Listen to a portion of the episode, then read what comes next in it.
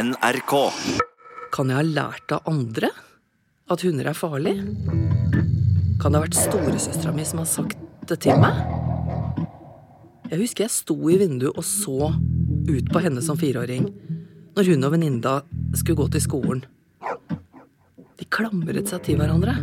De delvis løp forbi den digre pelsbikkja til naboen.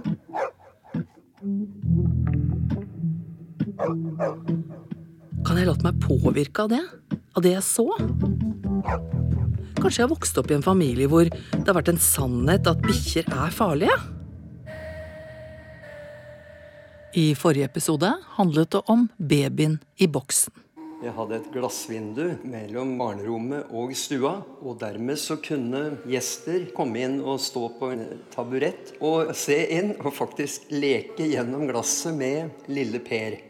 Arild Karlsen var så nysgjerrig på atferdspsykologien at når han ble far i 1981, så puttet han sin egen lille babysønn nesten naken bak en glassvegg i en såkalt Skinner-boks for å observere han.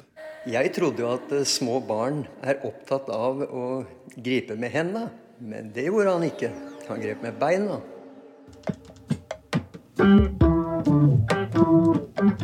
Jeg heter Kirsti Kraft. Dette er psykologiens historie, sånn jeg ser det. Kraft, kraft.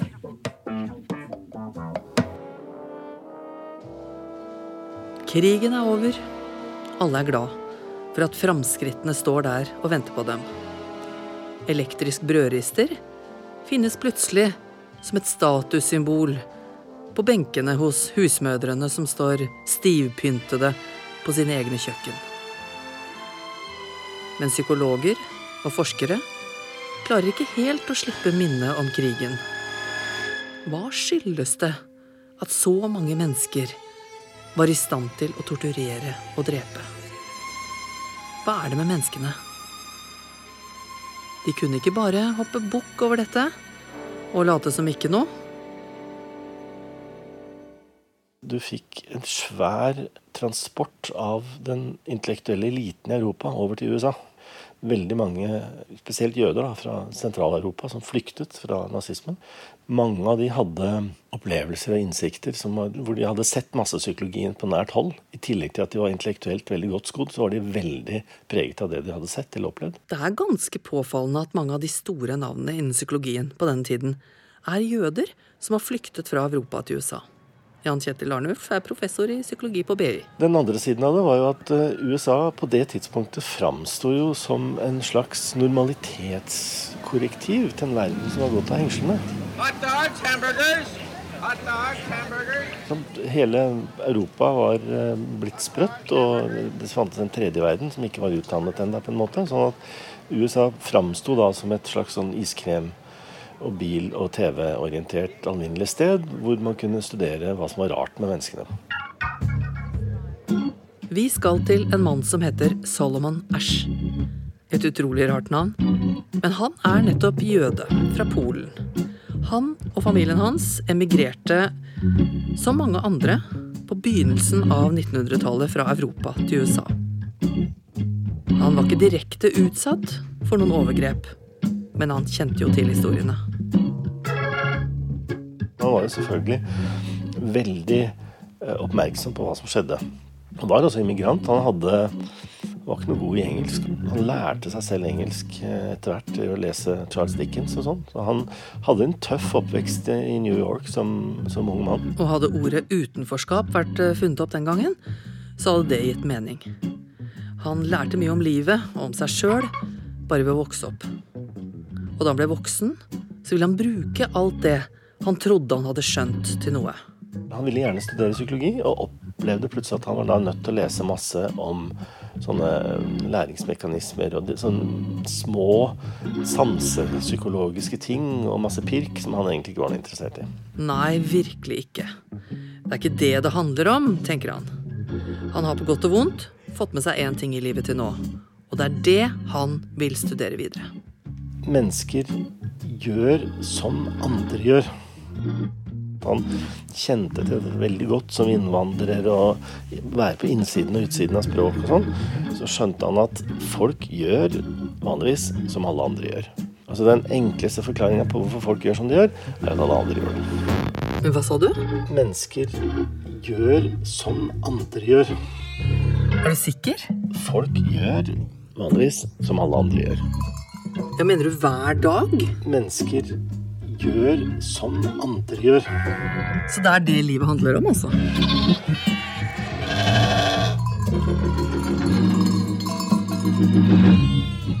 Til nå i psykologien har de forsket på hvert enkelt individ. Sånn som John B. Watson, som forsker på lille Albert.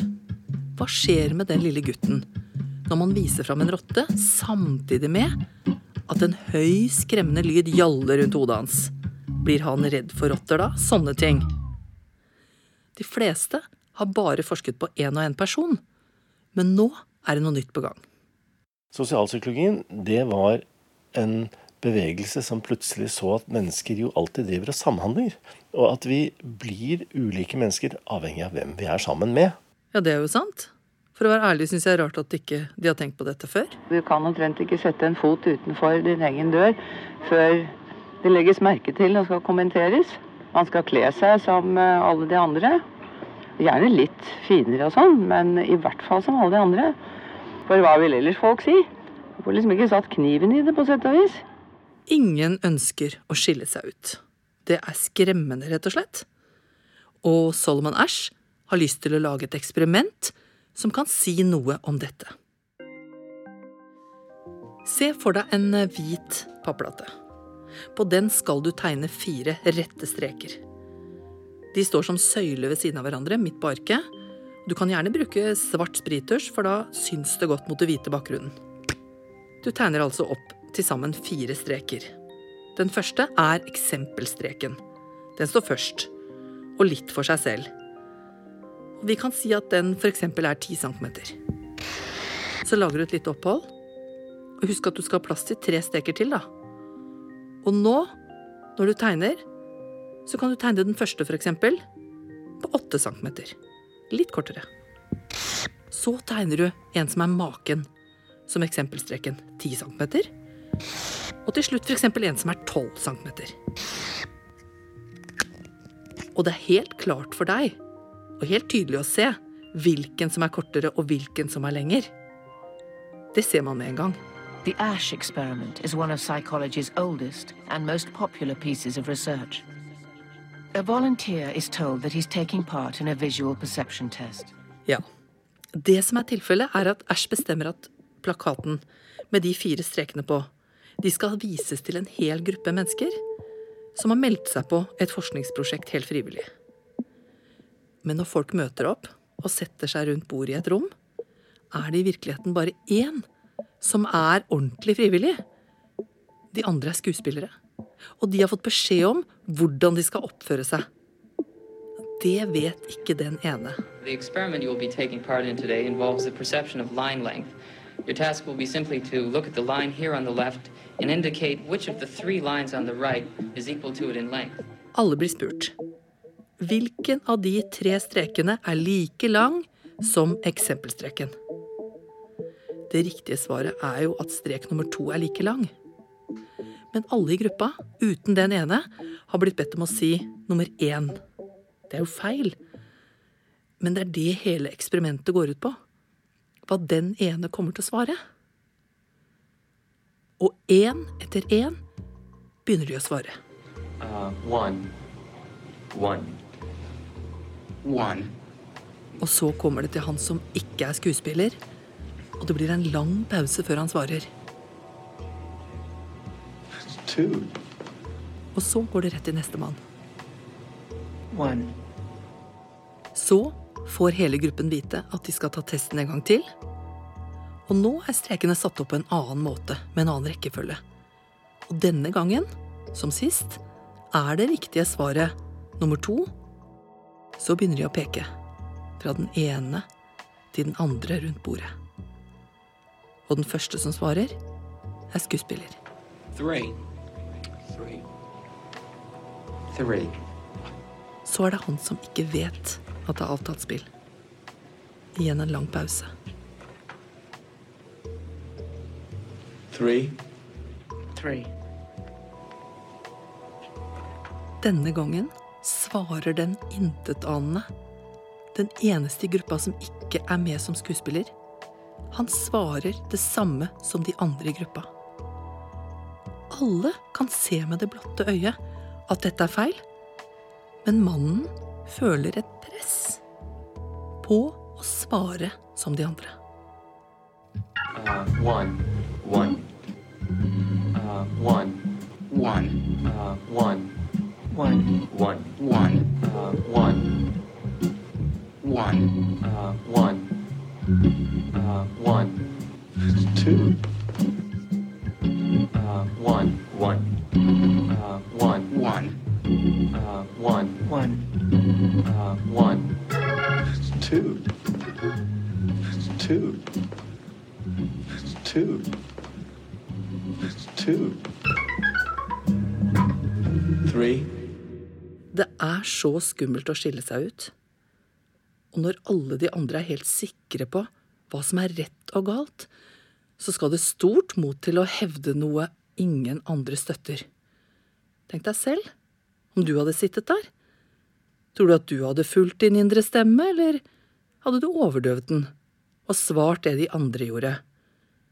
Fordi du stolte mer på den allmenne meningen og mindre på din egen dømmekraft?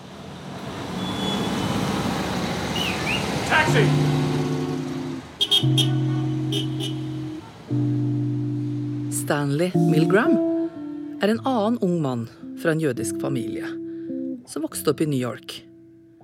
Han er også heldig.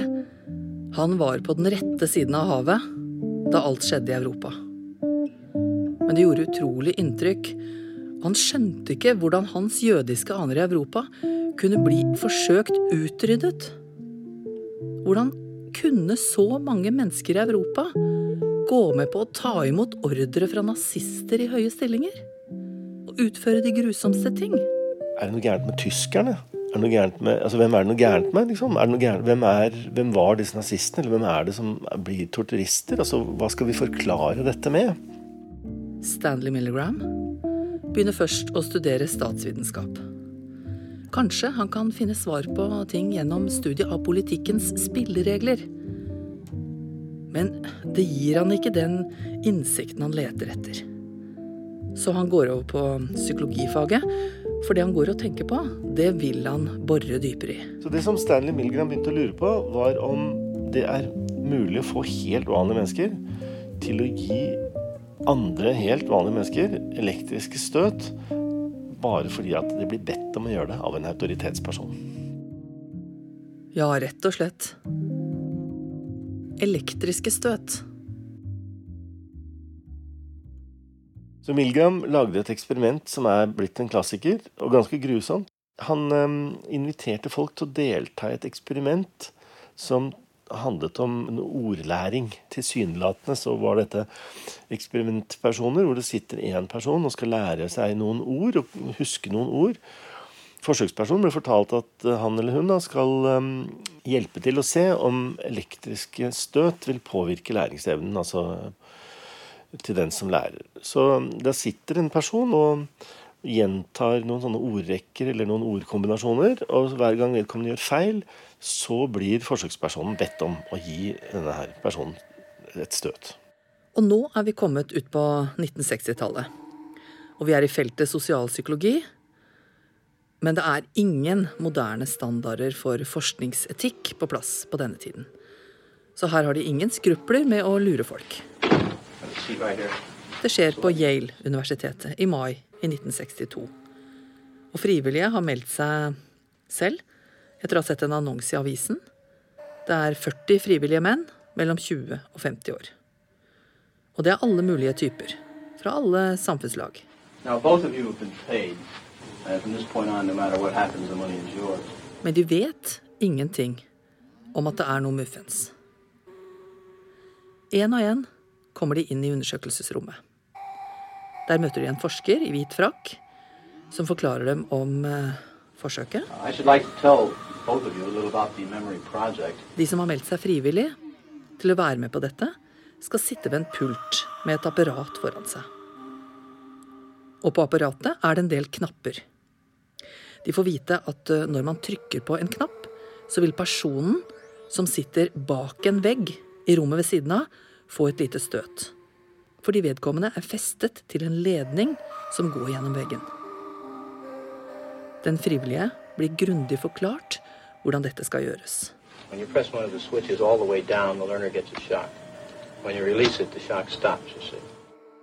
Forskeren, i den hvite frakken, blir sittende ved siden av forsøkspersonen, litt på skrå bak, et par meter unna.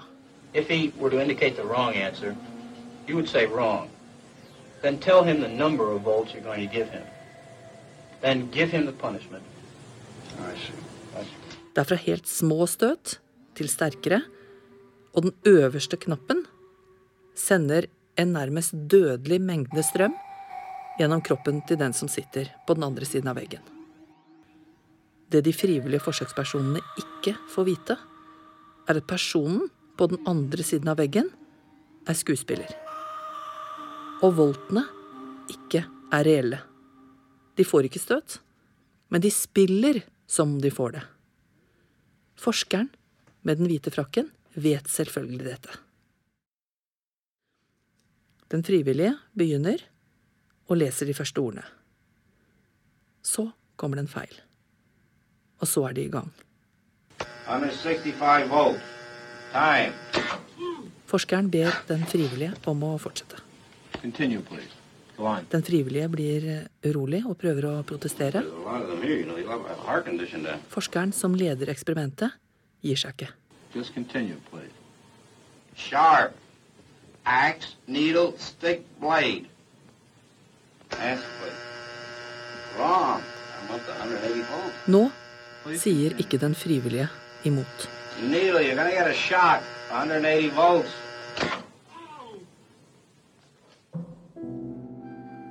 Han gjør som han får beskjed om.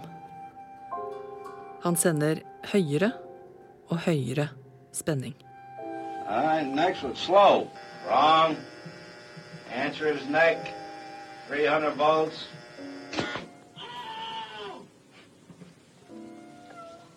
Next one, gold. Dollar necklace. Moon. Paint. Something's happened to that man in there. You better check in on him, sir. He won't answer or nothing. Han svarer meg ikke, sier han. Please continue. Go on, please. Bare fortsett, sier forskeren. You think you should look in on him, please? Noen må jo sjekke. Han svarer meg ikke der inne.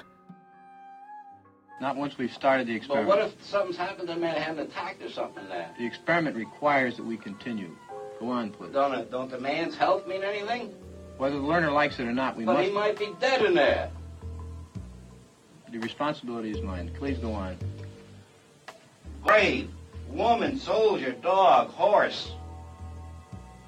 Answer is woman, 450 volts. That's it. 450 volt.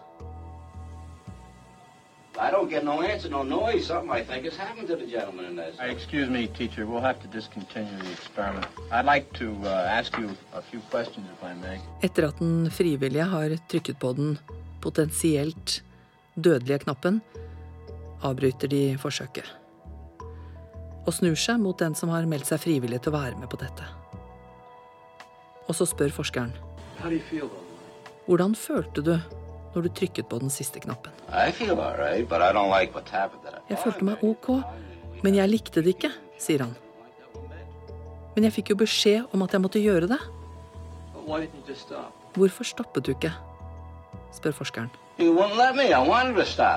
Jeg sa jeg ikke ville, men du sa at jeg måtte.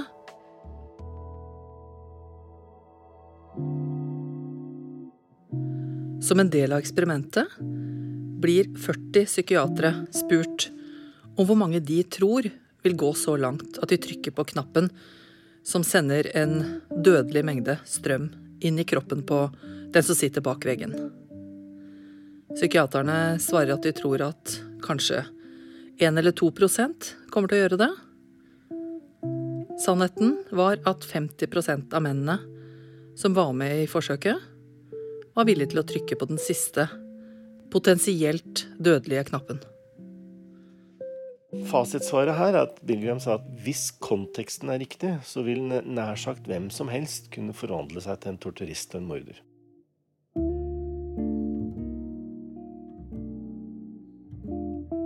Selv om det fantes individuelle forskjeller mellom disse menneskene, for det gjør det jo, ehm, så er ikke individforklaringen den viktigste forklaringen på hvorfor folk gjør sånn. Det som skjer, er at det oppstår en situasjon, og i den situasjonen så vil veldig mange mennesker handle på en sånn måte at de som ikke er i situasjonen, syns det er gruoppvekkende og har vanskelig for å tro det.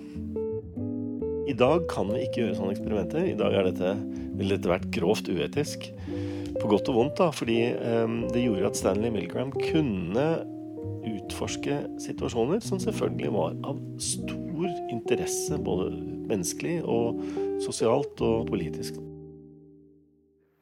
We have a mother-in-law from You have a mother-in-law. Is she in Paris? No, she's not in Paris. Well, she lives in New York. She lives in New York. Sosialpsykologien handler ikke minst om gruppen.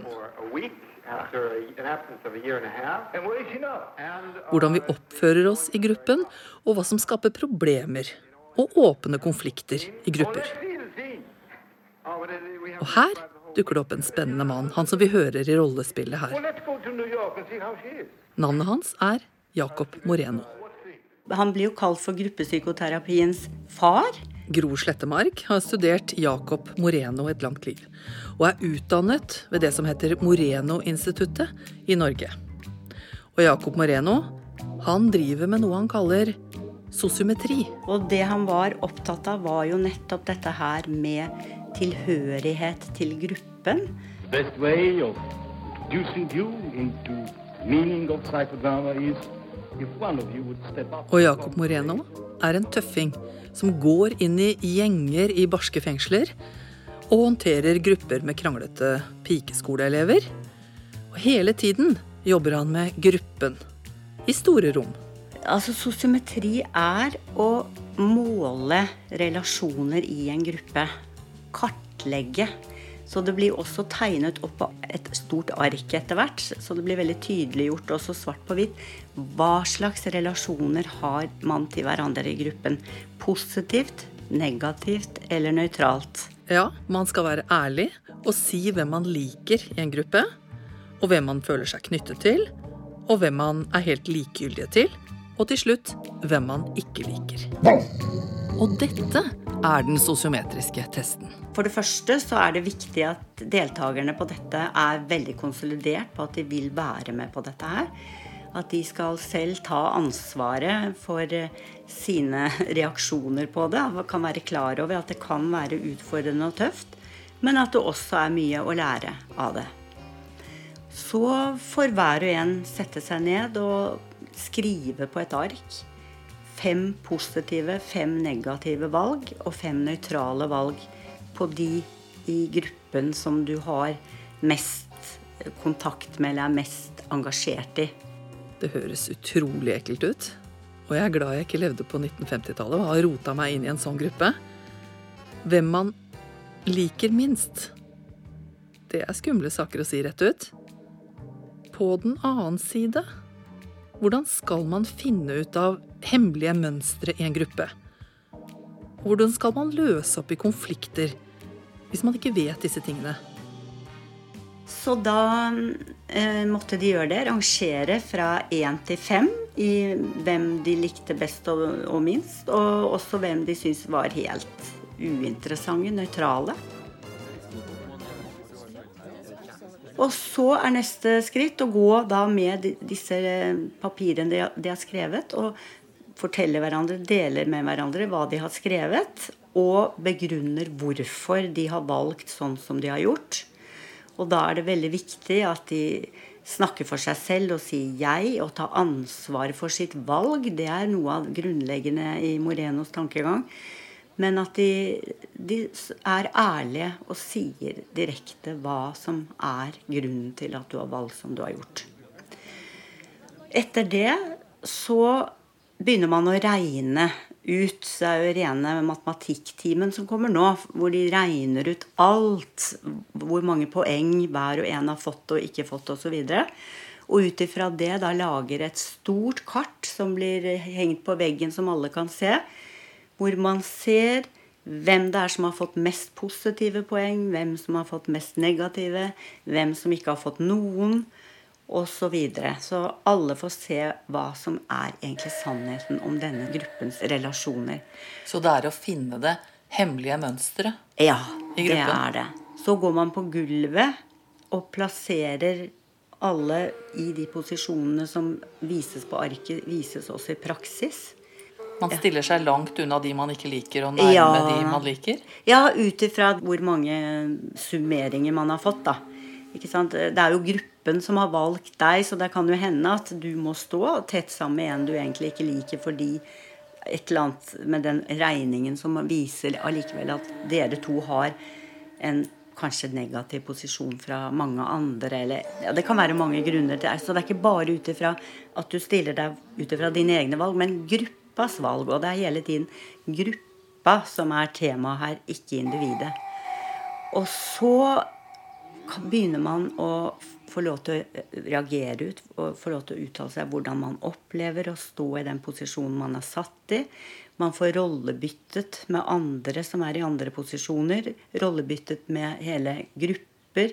Hvis det er noen klikker, så kan to klikker bytte rolle med hverandre. Rollebytte er jo veldig grunnleggende i Morenos eh, metode. Rollebytte vil si at man skal spille en av de andre og føle hvordan det er å være i den andre situasjonen. Og noen skal spille deg. Og dette å prøve å se seg selv utenfra og prøve å forstå hvordan den andre har det, den som går i den andres sko, det er veldig viktig også. Så gjennom hele denne prosessen så er det virkelig begynt å bli rørt i den gryta, sånn at ingenting er som før etter dette.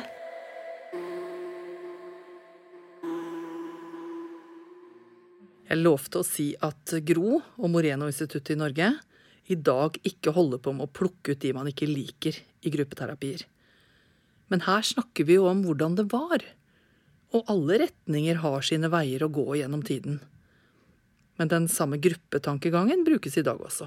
Ofte så brukes dette i organisasjonslivet for å få vist fram gruppens hemmelige språk. For det er jo ofte at det er mye som skjer i kulissene som ledelsen i en organisasjon ikke aner noe om. Det kan være skjulte ledere, det kan være isolerte personer. Det kan være sånne hoggestabber, syndebukker. Hoggestabber, syndebukker. Isolerte personer. Hoggestabber. Hoggestabber. Hoggestabber. For ikke å snakke om hva som skjer i sosiale spindelvev blant jenter på ungdomsskolen.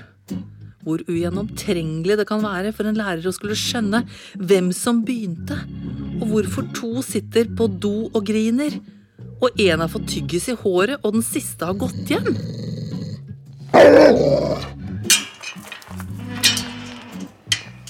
Jeg skal tilbake til Jan, mannen som er mitt tidsvitne.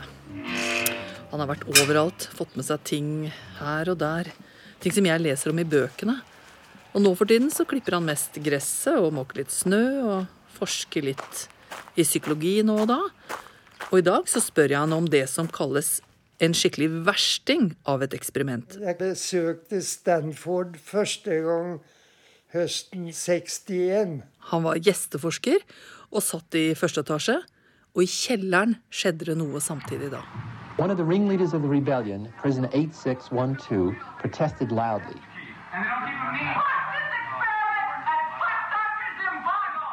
Vanlige studenter de skulle spille roller som fangevoktere og fanger. Og så går de så inn i det at det, ble for mye. Jan hadde ikke noe med dette å gjøre, men han merka jo stemningen. Det var mange steder på herredo hvor noen hadde skrevet på speil eller på veggene 'Zimbardo is a devil. I, I hate Zimbardo'. Og Philip Zimbardo står bak kanskje tidenes mest utskjelte eksperiment. Og det skal det handle om i neste episode.